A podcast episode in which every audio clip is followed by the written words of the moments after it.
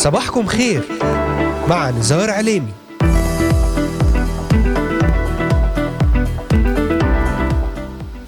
أهلا وسهلا بجميع مستمعاتنا ومستمعينا الكرام وبجميع الذين انضموا الآن إلينا لبرنامج صباحكم خير. اليوم الأربعاء نصلي لبداية يوم مبارك وحماية إلهية علينا في خروجنا ودخولنا في اسم الرب يسوع المسيح. معكم على الهواء مباشرة نزار عليمي أهلا وسهلا بكم ضمن برنامج صباحكم خير.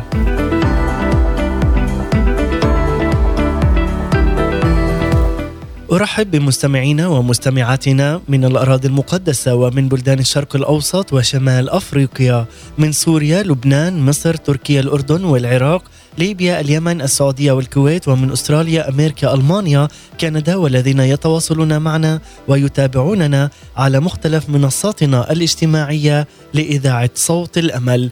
أذكركم أنكم تستطيعون الاستماع إلينا ومتابعتنا من خلال تطبيق إذاعة صوت الأمل على هواتفكم النقالة بعنوان Voice of Hope أو عن طريق مشاركتكم في قناتنا على اليوتيوب بالبحث عن إذاعة صوت الأمل في بث حي ومباشر.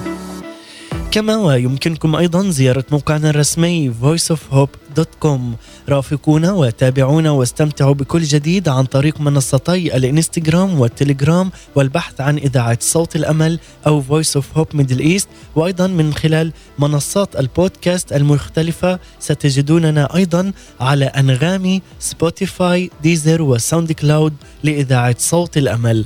تواصلوا معنا أيضا من خلال صفحة الفيسبوك إذاعة صوت الأمل أو Voice of Hope Middle East.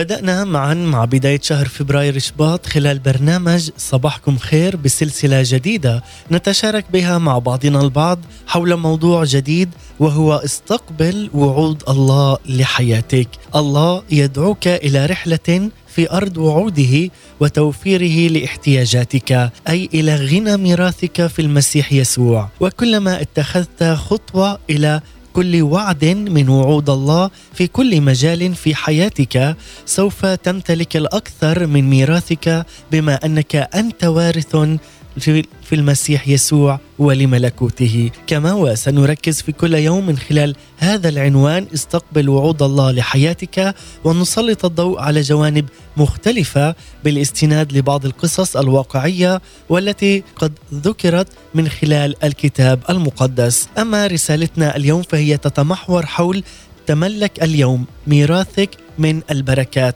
وسنتعرف أكثر عن الفوائد الجسدية والمادية للفداء بعد أن تعرفنا في الحلقة السابقة عن الفوائد الروحية. تابعنا وابقى معنا في هذه الساعة الصباحية على مدار هذه الساعة. ولأي سؤال أو استفسار تواصلوا معنا الآن من خلال رسائل الفيسبوك أو على الإنستغرام أو من خلال البث الحي والمباشر من خلال قناتنا على اليوتيوب. وللتنويه أحبائي تستطيعون الاستماع والعودة إلى بداية السلسلة من خلال متابعتنا على محرك البحث في تطبيقات أنغامي وسبوتيفاي وأمازون ميوزك والساوند كلاود لإذاعة صوت الأمل. ستجدون جميع حلقات برنامج صباحكم خير والعديد من البرامج الخاصة لإذاعة صوت الأمل من هنا من الأراضي المقدسة. أهلا وسهلا بكم في هذا الصباح الجديد وننطلق بنعمة رب المجد يسوع المسيح.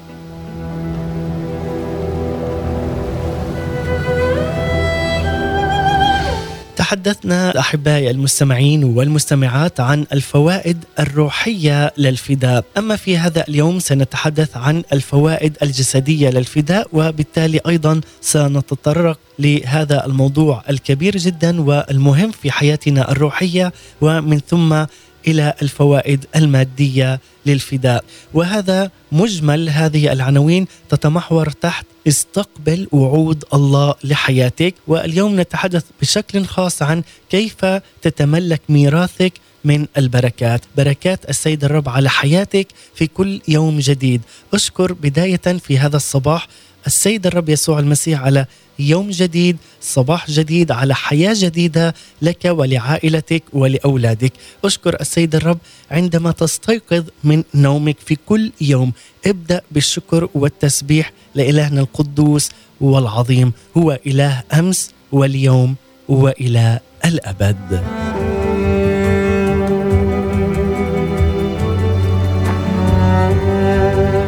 بموته بديلا عنا قد اشترى يسوع اثنين من الفوائد العظيمة. إحداهما من هذين الاثنين من الفوائد العظيمة هي سلبية والأخرى أيضا إيجابية. بمعنى أننا خرجنا من شيء والأخرى إيجابية. هي تمكننا من الوصول إلى شيء ما. فعلى الجانب السلبي أنقذنا يسوع مملكة الظلمة وعلى الجانب الإيجابي قد فتح يسوع لنا ميراثا كاملا في ملكوت النور. قد جعلت هنا المبادلة الإلهية التي سبق الله وأعدها هذا ممكنا بالصليب.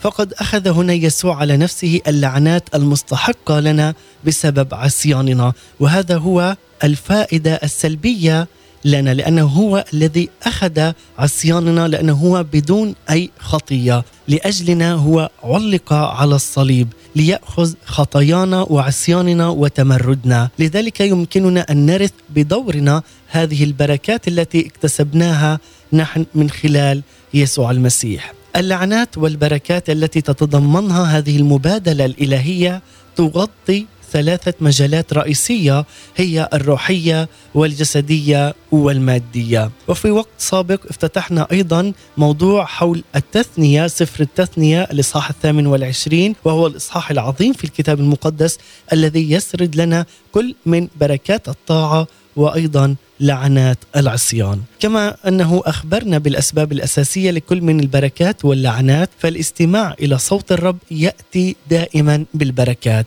بينما عدم الاستماع إلى صوت الرب يأتي على حياتنا باللعنات عندما لا نطيع الرب فتأتي علينا باللعنات. يعمل هذا المبدأ في كل الكتاب المقدس ويرتكز مصيرنا بالكامل في النهاية على نقطة الارتكاز هذه أي ما إن كنا نستمع إلى صوت الرب أو لا نستمع إلى صوت رب المجد يسوع المسيح.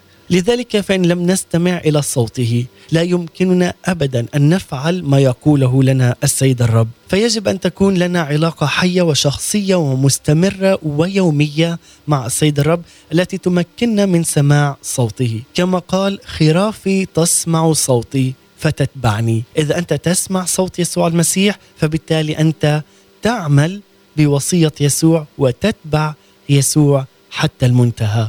فعلامة المؤمنين الحقيقيين في كل عصر هي أنهم يسمعون لصوت يسوع المسيح يسمعون لصوت القائد والمعلم العظيم وأنهم يتبعونه في كل يوم.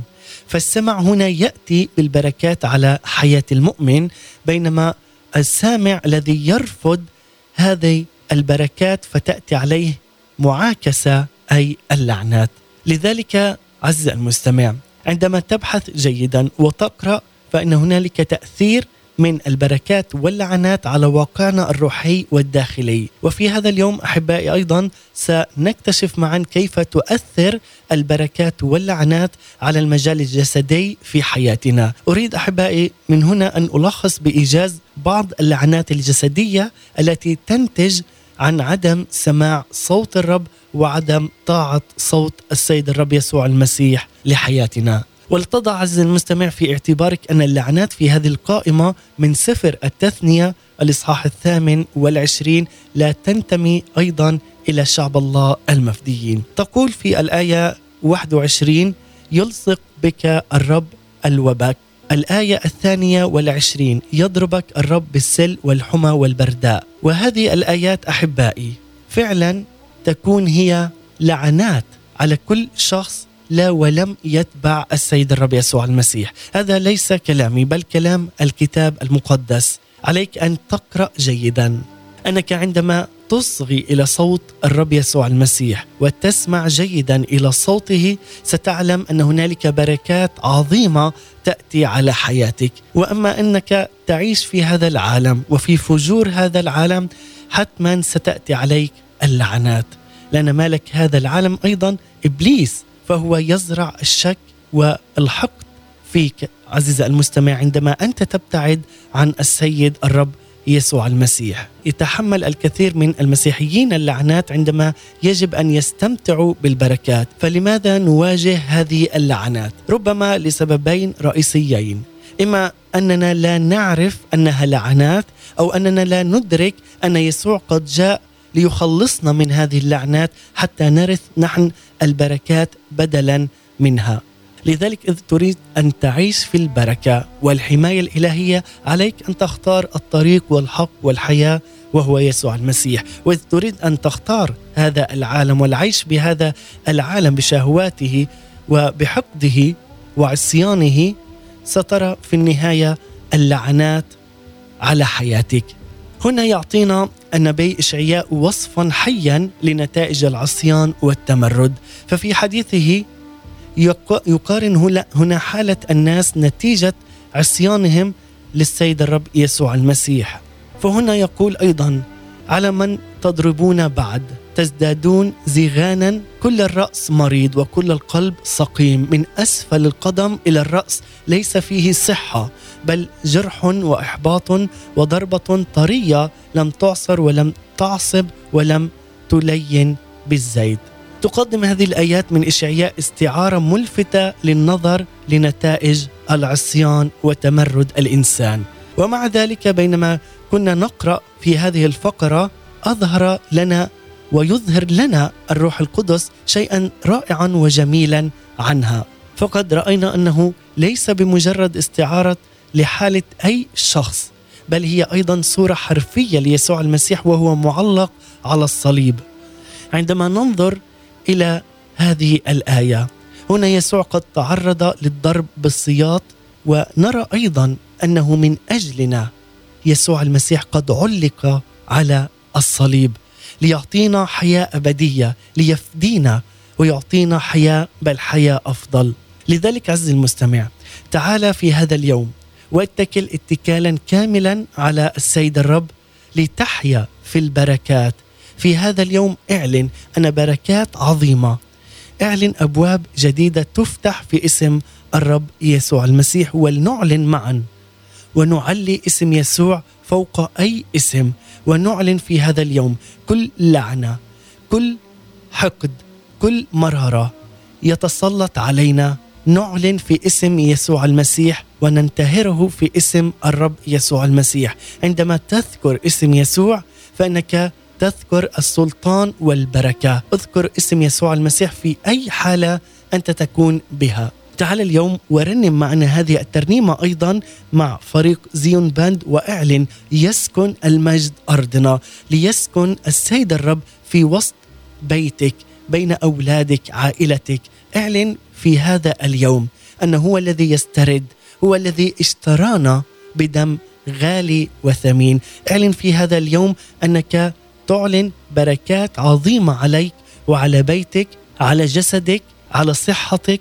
إعلن في هذا اليوم أن يسوع المسيح هو القادر ويستطيع كل شيء إذ أنت آمنت أن يسوع هو فعلا يستطيع بالإيمان بإيمانك برب المجد يسوع المسيح.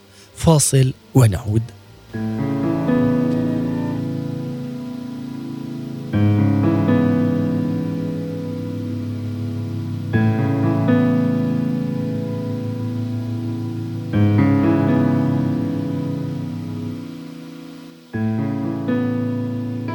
العالم بقى مكان مخيف مكان ضلمة وغريب.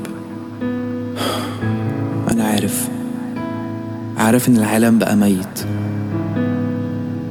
الأخ بيقلب على أخوه والعيلة بدل ما تكون مكان راحة واحتواء بقت مصدر وجع. شايف الانتحارات والقتل والاغتصاب والحروب والأوبئة. الجميع زاغوا وفسدوا أعوزهم مجدي.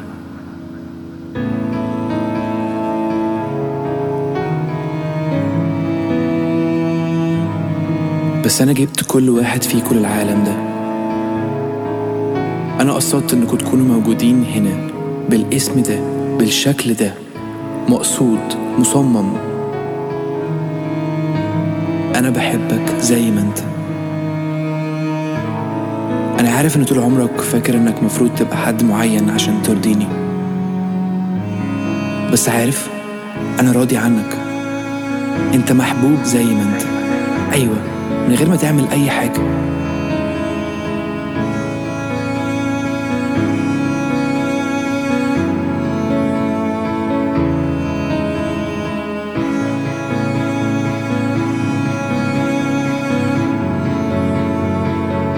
انت هنا عشان تغير العالم. انت جيت هنا عشان تكون حتة من السماء على الأرض. فترجع الأرض للسماء زي ما كانت. عارف؟ أنا اديتك الصلاحية إنك تبقى أنا. تبقى صورتي أنا على الأرض.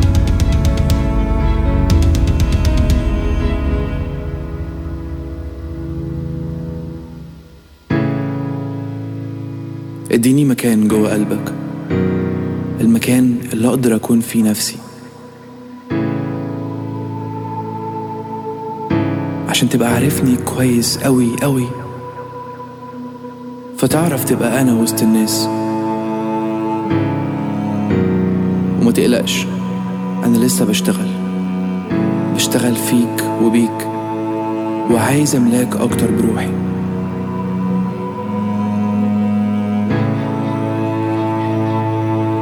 ودايما بحب أنقيك من كل شوائب.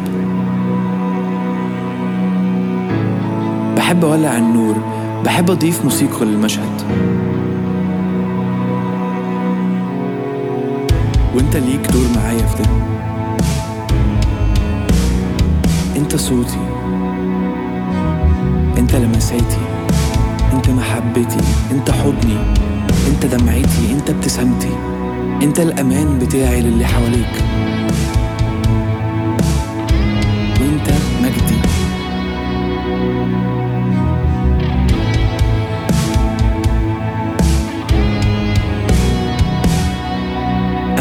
أنا بتمجد من خلالك. ليسكن المجد.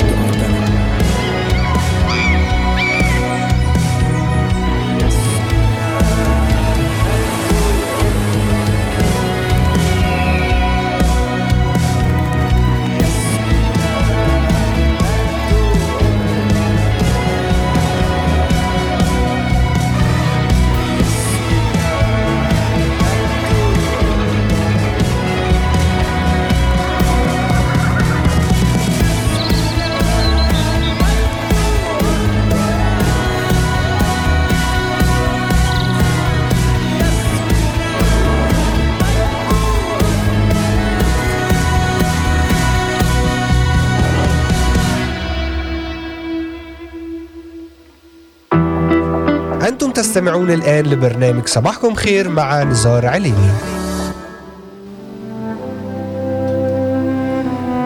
نعم عودة من جديد إليكم أحباء مستمعي إذاعة صوت الأمل ضمن برنامج صباحكم خير. بعد أن استمعنا إلى هذه الصلاة الرائعة والمباركة وأيضا إلى هذه الترنيمة يسكن المجد أرضنا نتحدث أحبائي في رسالتنا لهذا اليوم حول تملك ميراثك من البركات. تعرفنا عن الفوائد الجسدية وأيضا سنتعرف على الفوائد المادية للفداء بعد أن تعرفنا عن الفوائد الروحية. وهذا كله ضمن برنامج صباحكم خير حول موضوع الذي ابتدأنا به حول استقبل وعود الله لحياتك.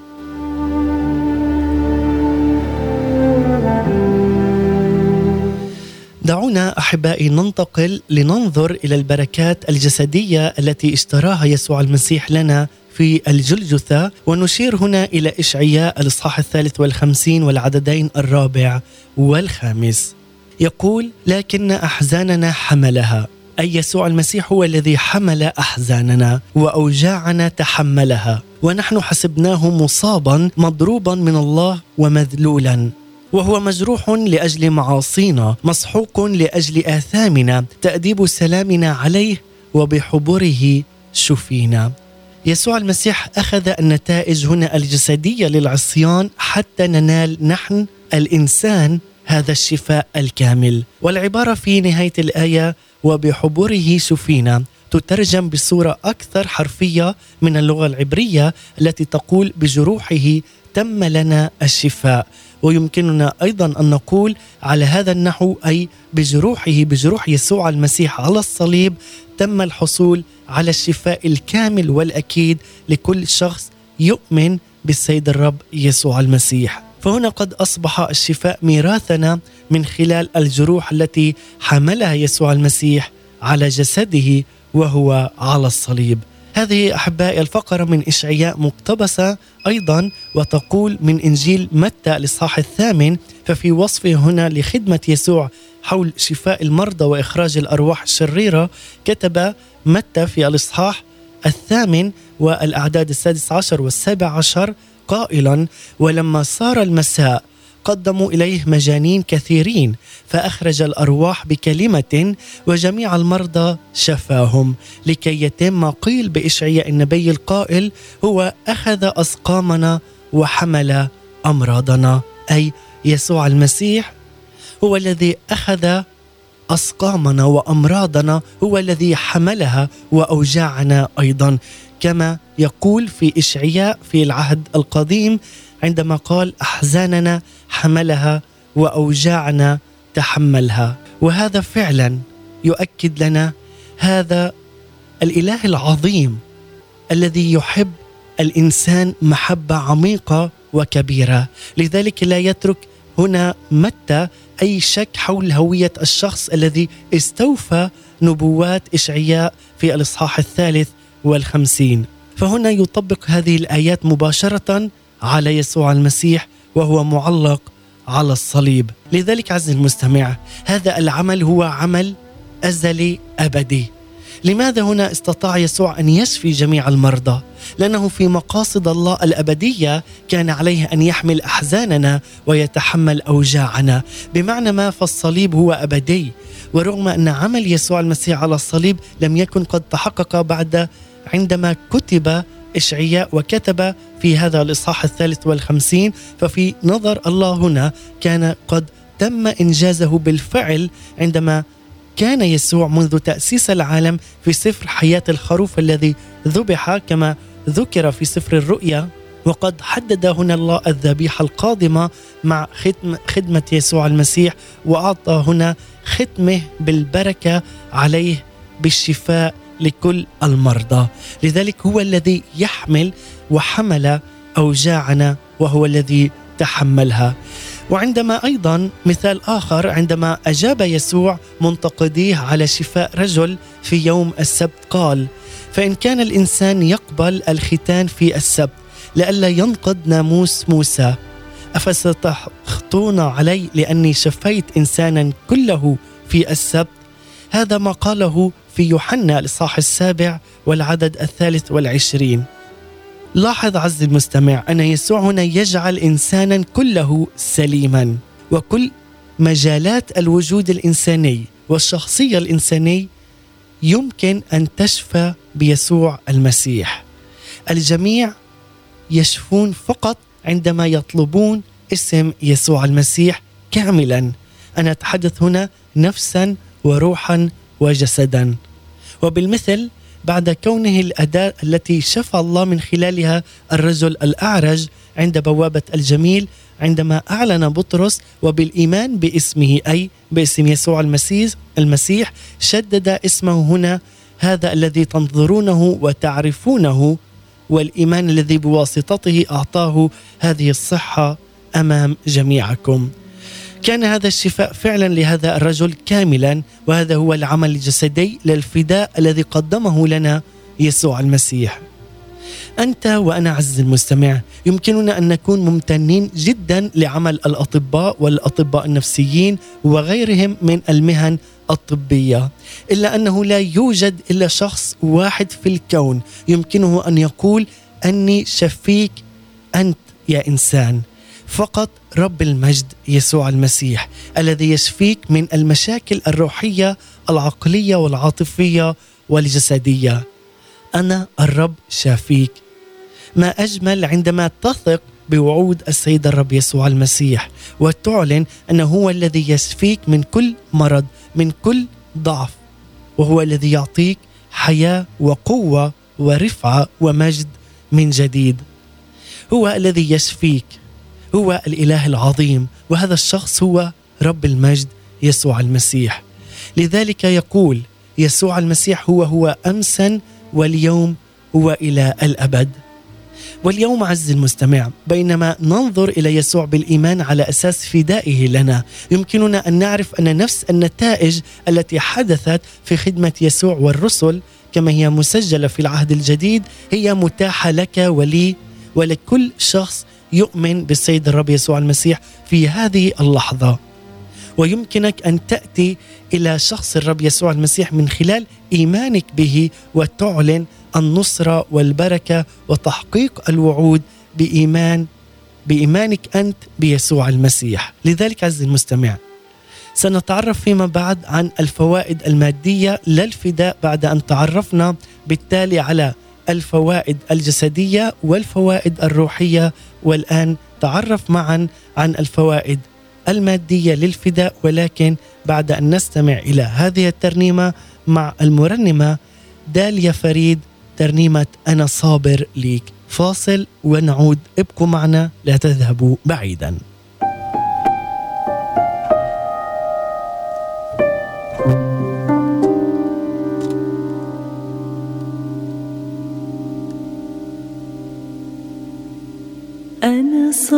صابر ليك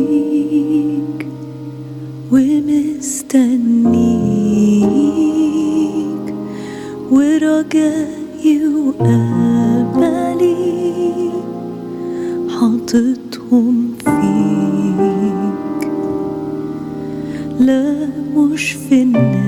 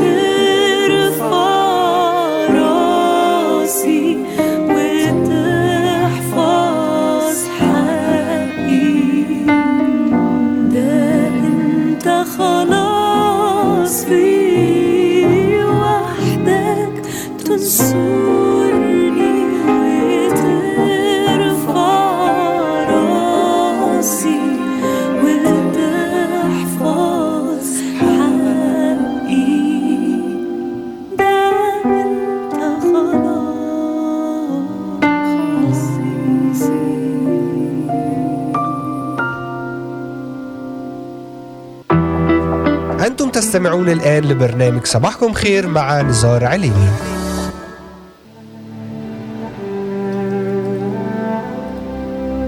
عودة من جديد إليكم بعد أن استمعنا إلى هذه الترنيمة الرائعة مع داليا فريد أنا صابر ليك. عزة المستمع نكون وإياك حول تملك ميراثك من البركات. تملك في هذا اليوم هذه البركات لحياتك وتعرفنا سابقا عن الفوائد الروحية والجسدية والآن نختتم مع الفوائد للفداء من خلال الفوائد المادية. استقبل وعود الله لحياتك.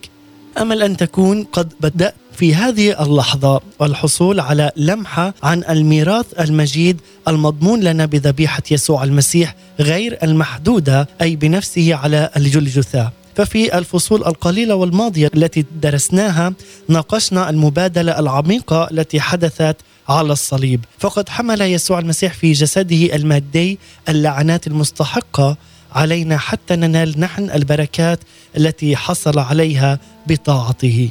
لذلك نرى أنه بعد أن رأينا لعنات العصيان والبركات المتاحة لنا في المجال الجسدي والروحي من خلال الفداء نريد الآن أيضا النظر في اللعنات والبركات التي تتعلق بالعالم المادي. والآن نتحدث وننظر معا في البركات المادية العديدة التي وعدنا بها للطاعة كما سجلها موسى في سفر التثنية الإصحاح الثامن والعشرين يقول مباركا تكون في المدينة ومباركا تكون في الحقل. أما الآية الرابعة تقول مباركة تكون ثمرة بطنك وثمرة أرضك وثمرة بهائمك. نتاج بقرك وإناث غنمك. فقد كانت هنا المحاصيل والماشية هي أهم الممتلكات المادية في آنذاك كمجتمع زراعي. لذلك أيضا يقول في الآية الخامسة مباركة تكون سلتك ومعجنك.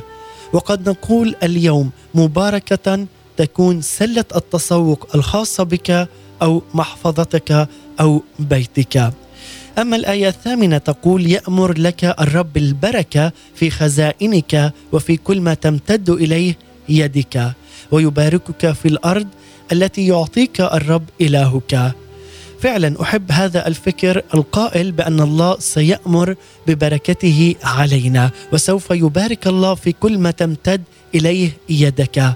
فهو لا يترك أي شيء على الإطلاق من دون أن يباركه ويطلقك بالبركة. عز المستمع الآية الحادية عشر تقول ويزيدك الرب خيرا في ثمرة بطنك وثمرة بهائمك وثمرة أرضك على الأرض الذي حلف الرب لآبائك أن يعطيك. لاحظ هنا عبارة ويزيدك الرب خيرا. فالرخاء الوفير هو بركة تنتج عن سماع صوت الرب وإطاعتك لصوت الرب يسوع المسيح. كما هنا يعود بنا موسى بعد فترة وجيزة إلى نفس الموضوع في الإصحاح التالي من سفر التثنية حيث يقول في الإصحاح التاسع والعشرين والعدد التاسع فاحفظوا كلمات هذا العهد واعلموا بها لكي تفلحوا في كل ما تفعلون به. هنا حفظ كلمات عهد الله يؤدي إلى ازدهارنا روحيا جسديا فكريا وفي كل ما نقوم به لأجل الرب. ولا يترك هذا المجال لهذا المجال أي فشل أو إحباط في أي مجال من مجال حياتنا. لذلك من الواضح هنا أن الله يأمر ببركات مادية وفيرة إن كان شعب الله يسمع ويستمتع ببركات الإله الغنية التي أعطانا إياها رب المجد يسوع المسيح وإذ كنت أنت تسمع إلى صوت الرب وتطيع يسوع المسيح. لذلك توجد أيضا لعنات مادية للعصيان ونرى هذا الدليل في تثنية الإصحاح الثامن والعشرين والعدد التاسع والعشرين يقول فتتلمس في الظهر كما يتلمس الأعمى في الظلام ولا تنجح في طرقك. هو هنا يصف هنا عدم القدرة الكاملة على إيجاد الطريق الصحيح في الحياة. لاحظ عز المستمع أنك عندما لا تعرف يسوع المسيح فإنك لا تعرف الطريق الصحيح. وأنه مثلما أن الوفرة في الرخاء هي بركة فعدم الرخاء في طرقنا هو لعنة. يعيد هنا أن أيضا موسى تأكيد هذه الحقيقة بشكل أكثر وضوحا في سفر التثنية الإصحاح الثامن والعشرين حيث يتم ذكر البركة واللعنة جنبا إلى جنب. ويقول في هذه الآيات من الآية السابعة والأربعين حتى الآية الثامنة والأربعين قائلا من أجل أنك لم تعبد الرب إلهك بفرح وبطيبة قلب لكثرة كل شيء. تستعبد لأعدائك الذين يرسلهم الرب عليك في جوع وعطش وعري وعوز كل شيء فيجعل نير حديد على عنقك حتى يهلكك. هنا مشيئة الله يريد أن نكون معه أن نخدمه بكل أمانة وطيبة وحب أن نكون فعلا طائعين لصوت الرب يسوع المسيح لذلك عز المستمع عندما أنت تأتي بكل حب ومعرفة أنه هو الإله الذي يسدد كل احتياج. لا تذهب لأي أحد فقط اذهب للسيد الرب للمعلم الصالح للراعي الأمين للسيد الرب يسوع المسيح. لذلك عزيزي المستمع هنا أيضا يلخص لنا بولس الرسول هذه المبادلة الكاملة بوضوح في الإصحاحين الثامن والتاسع من رسالته لكورنثوس الثانية حيث نرى أن وجهي المبادلة في المجال المادي يكتب عنه بولس الرسول عن الجانب الأول في كورنثوس الثانية الإصحاح الثامن والعدد التاسع يقول فإنكم تعرفون نعمة ربنا يسوع المسيح أنه من أجلكم افتقر وهو غني لكي تستغنوا أنتم بفقره. من الواضح هنا جدا أنه في هذه المبادلة أخذ يسوع المسيح فقرنا على الصليب حتى يمكننا نحن الإنسان أن ننال غناه ووفرته بالنعمة فالنعمة لا تأتي إلا من خلال يسوع المسيح هو إله كل نعمة ولا يمكن اكتسابها إلا من خلال يسوع المسيح. لذلك عزيزي المستمع لا يتم نوال النعمة إلا بالإيمان بشخص الرب يسوع المسيح. وهذا هو طريقنا للتغلب على لعنة أي لعنة تكون في حياتنا. فقط تحصل على البركة من من خلال إيمانك وثقتك وإطاعتك للسيد الرب يسوع المسيح. لذلك قد أيضا ذكر بولس الجانب الثاني في كورنثوس الثانية الإصحاح التاسع والعدد الثامن يقول: الله قادر أن يزيدكم كل نعمة لكي تكونوا ولكم كل اكتفاء كل حين في كل شيء تزدادون في كل عمل صالح. في اللغة اليونانية الأصلية هذه العبارة مدهشة جدا فالكلمة المترجمة هنا يزيدكم أي اكتفاء هنا تأتي مرتين. الكلمة أو اشتقاق هذه الكلمة التي تعني كل أو كل حين أو كل شيء.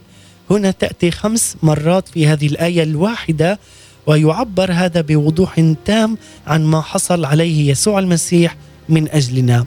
فقد استنفذ لعنة أي لعنة تتجه على حياتنا لنرث نحن البركات بدلا من اللعنات. لذلك حصل يسوع المسيح لنا على البركات في المجال الثلاثة أي الروحية والجسدية والمادية. لذلك يقول أيضا في يوحنا الإصحاح الثالث والعدد الثاني أيها الحبيب في كل شيء أروم أن تكون ناجحا أي في المجال المادي أيضا وصحيحا في المجال الجسدي كما أن نفسك ناجحة في المجال الروحي. مرة أخرى هذه الآية التي تقول أيها الحبيب في كل شيء أروم أن تكون ناجحا وصحيحا كما أن نفسك ناجحة. هنا يقول لنا أن تكون ناجحا في المجال المادي صحيحا في المجال الجسدي وأن كما نفسك هي ناجحة هنا يقصد المجال الروحي. فهذه هي عز المستمع مشيئة الله لك وهذا هو ميراثك. تعال وتملكه وامتلك اليوم هذه البركة. وقبل أن تستمر في هذا اليوم في أي شيء تعال وثبت إيمانك. وأشكر السيد الرب يسوع المسيح على كل عطايا السيد الرب يسوع المسيح وعلى نعمته في كل يوم جديد ومتجدد. أحبائي سنستمع الآن إلى فقرة قصيرة مع الدكتور نورا إدوارد. هذا التأمل الرائع. لا يوجد أمر صعب يقف أمام الرب ومن ثم سنختتم بترنيمة جدا رائعة وجديدة. لا تذهبوا بعيدا ابقوا معنا ونحن سنعود إليكم. ده يسوع ده الرب اللي اعلن عن نفسه وبيعلن لك أنا الرب شفيك مهما كان القيد بقاله سنين مهما كان القيد في حياتك بقاله سنين هو اللي يجي بمقابلة خاصة. ما تيجي وتفتح قلبك وتقول له فكني. لما تقول له اشفي قلبي اللي مليان بالخطية. عايز أحبك عايز أرجع لك. عايز النور يا رب يخترق حياتي. تختبر وعده. أنا اللي أعرف أشفيك. أنا اللي أعرف أشفيك. مفيش قيد في حياتك. اسمعني كويس. مفيش قيد في حياتك. المسيح ما يقدرش يحررك منه. مفيش خطية في حياتك. يسوع ما يخليكيش تنتصري عليها. مفيش ضلمه في حياتك. نور المسيح ما يخترقهاش. عشان هو الرب شفيك هو الرب شفيك لكن كمان عايزه أقول لك إن هو اللي بيعرف يخترق نفسك ونفسك اللي متدشدشة المجروحة. ناس كتير يا جماعة ماشية في الحياة محنية. محنية. من كتر ما اتبهدلت من كتر الأذى من كتر الظلم من كتر الخيانة من كتر الإهانة من كتر ما حسيتي إنك ولا حاجة من كتر ما وصلوا لك رسائل سلبية إنك أنت ما تسويش ناس عرفت المسيح ناس بتحب المسيح بس لسه قلبها مجروح قوي قلبها مجروح قوي. وناس ما هيش عارفة ما هيش عارفة تخرج من اللي هي فيه مش عارفة تخرج من اللي هي فيه. لسه قريب كان حد بيحكي لي عن واحدة اتمرمطت في حياتها. الظروف اللي مرت بيها يتكتب عنها كتب. قصتها حاجة خيالية. عارفين إيه اللي شاف قلبها؟ لما في يوم وهي قاعدة بتصلي الرب أعلن لها. قال لها في كل موقف من المواقف ديت من شريط السينما بتاع حياتك أنا كنت موجود معاكي. ولولا سندتي ليكي انت النهارده ما كنتش هتبقي موجودة. انت النهارده كنت ممكن تكوني انتحرتي من كتر اللي انت مريتي بيه. أنا كنت موجود معاكي. كل موقف من المواقف ديت. أنا عايزة أقول لكم الإعلان ده. إعلان الرعاية. إعلان الحب. إعلان الاهتمام. أنت موجود معايا من طفولتي. من وأنا بتبهدل من طفولتي. وعشان كده خلتني لغاية النهارده أبقى قادرة أبقى واقفة على رجليا. بشكرك. قال لها وعمرك اللي جاي تملي هتلاقيني معاكي. عمري ما هسيبك عمري ما هسيبك. تملي هتلاقيني معاكي. افتحي عينيكي عليا. هتشوفيني إني أقرب ليكي من أي حد في الوجود. يجي يشفي قلبك بإعلان حب عجيب. يجي يغرقك بحب. تبقي مذهولة. أنا مرات وأنا بصلي مع ناس من كتر حضور ربنا لقيتهم عارفين بيقولوا إيه؟ معقولة؟ معقولة بتحبني كل الحب ده؟ معقولة أنا غالية عليك للدرجة دي؟ معقولة؟ عارفين فضلوا يكملوا الصلاة؟ معقولة معقولة معقولة؟ من كتر ما جاي يغرقهم بحب بحبك بحبك بحبك بحبك. معاك معاك. ابليس ضحك عليك وقال لك أنا سبتك. بس أنا لولا إن أنا معاك ما كنتش أنت النهارده. تبقى لسه موجود ولسه متماسك. أنا هو الرب شفيك. أنا اللي بعرف أشفي القلب المكسور. أنا اللي بعرف أشفي المكسور. أنا اللي بعرف أجي أشفي القلب اللي مليان بالمرارة. مش عارفة تعملي إيه في المرارة اللي جواكي. ومن كتر ما اتجرحتي اتجرحتي كتير قوي. اتجرحتي كتير قوي اتخنتي كتير قوي. انداس عليكي كتير قوي. حصل تطاول عليكي كتير قوي. وجواكي مر جواكي مر تعبانة من المرارة تعبانة. ما عارفة تعملي إيه. هو يقدر يعمل حاجة في المرارة دي؟ ده انت جواكي مرارة لدرجة بتفكري في الانتقام. مش عايزة تنتقمي بإيدك بس نفسك تشوفي فيه يوم. نفسك تشوف فيها يوم. يعني تقول له انت بقى منك بس هتبقي فرحانة لو هو اتأذى. هو شايف قلبك. شايف قلبك. نعم أحبائي عودة من جديد إليكم. بعد ان استمعنا إلى هذا التأمل الأكثر من رائع. لا يوجد أمر صعب يقف أمام السيد الرب فهو الإله الحي الذي يشفيك نفسا وجسدا وروحا. لنقف في هذا اليوم ونقول فعلا يا رب نشكرك لأنك أنت إله أمس واليوم وإلى الأبد. يا رب أريد أن أتوقف الآن للحظة لأقدم لك شكري وامتناني وأقول لك شكرا على رغبتك في الذهاب إلى الصليب في مكاني فكل الشرور التي أستحقها أنا أنت حملتها بدلا عني. أشكرك يا رب لأجل مراحمك الغنية. أشكرك يا رب لأنك إله حي وأنت معنا في كل يوم. أشكرك لأن من خلالك يا رب لنا البركات في جميع المجالات أي المجال الروحي والجسدي والمادي. لك نصلي وننحني خضوعا وخشوعا لاسم يسوع المسيح له كل المجد.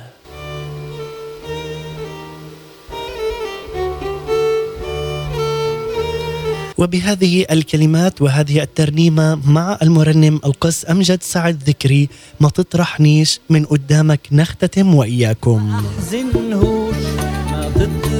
أشكركم على حسن المتابعة والإصغاء. كان معكم على الهواء مباشرة نزار علمي ضمن برنامج صباحكم خير سلام المسيح. إلى اللقاء.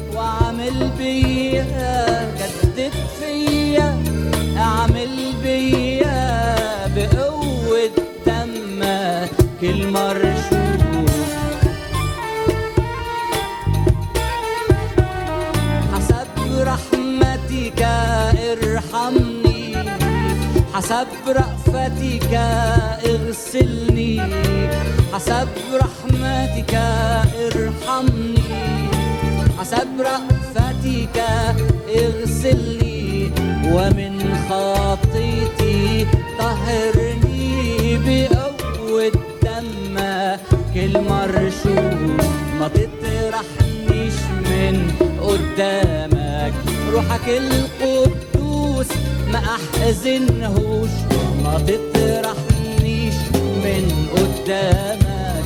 روحك القدوس ما أحزنهوش. جدد فيا وعامل بيا جدد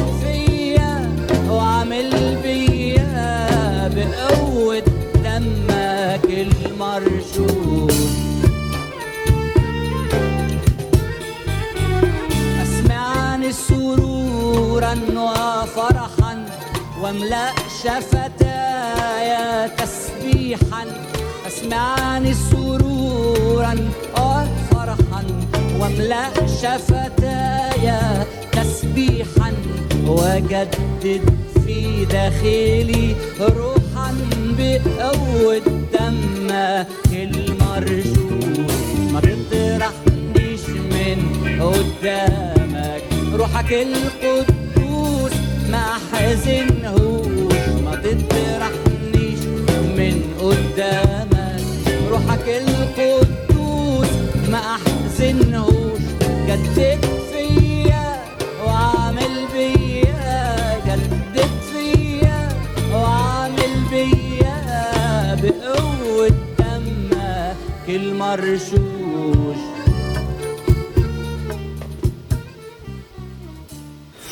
إذاعة صوت الأمل محطة للتواصل الاستراتيجي The Voice of Hope A strategic communications broadcast station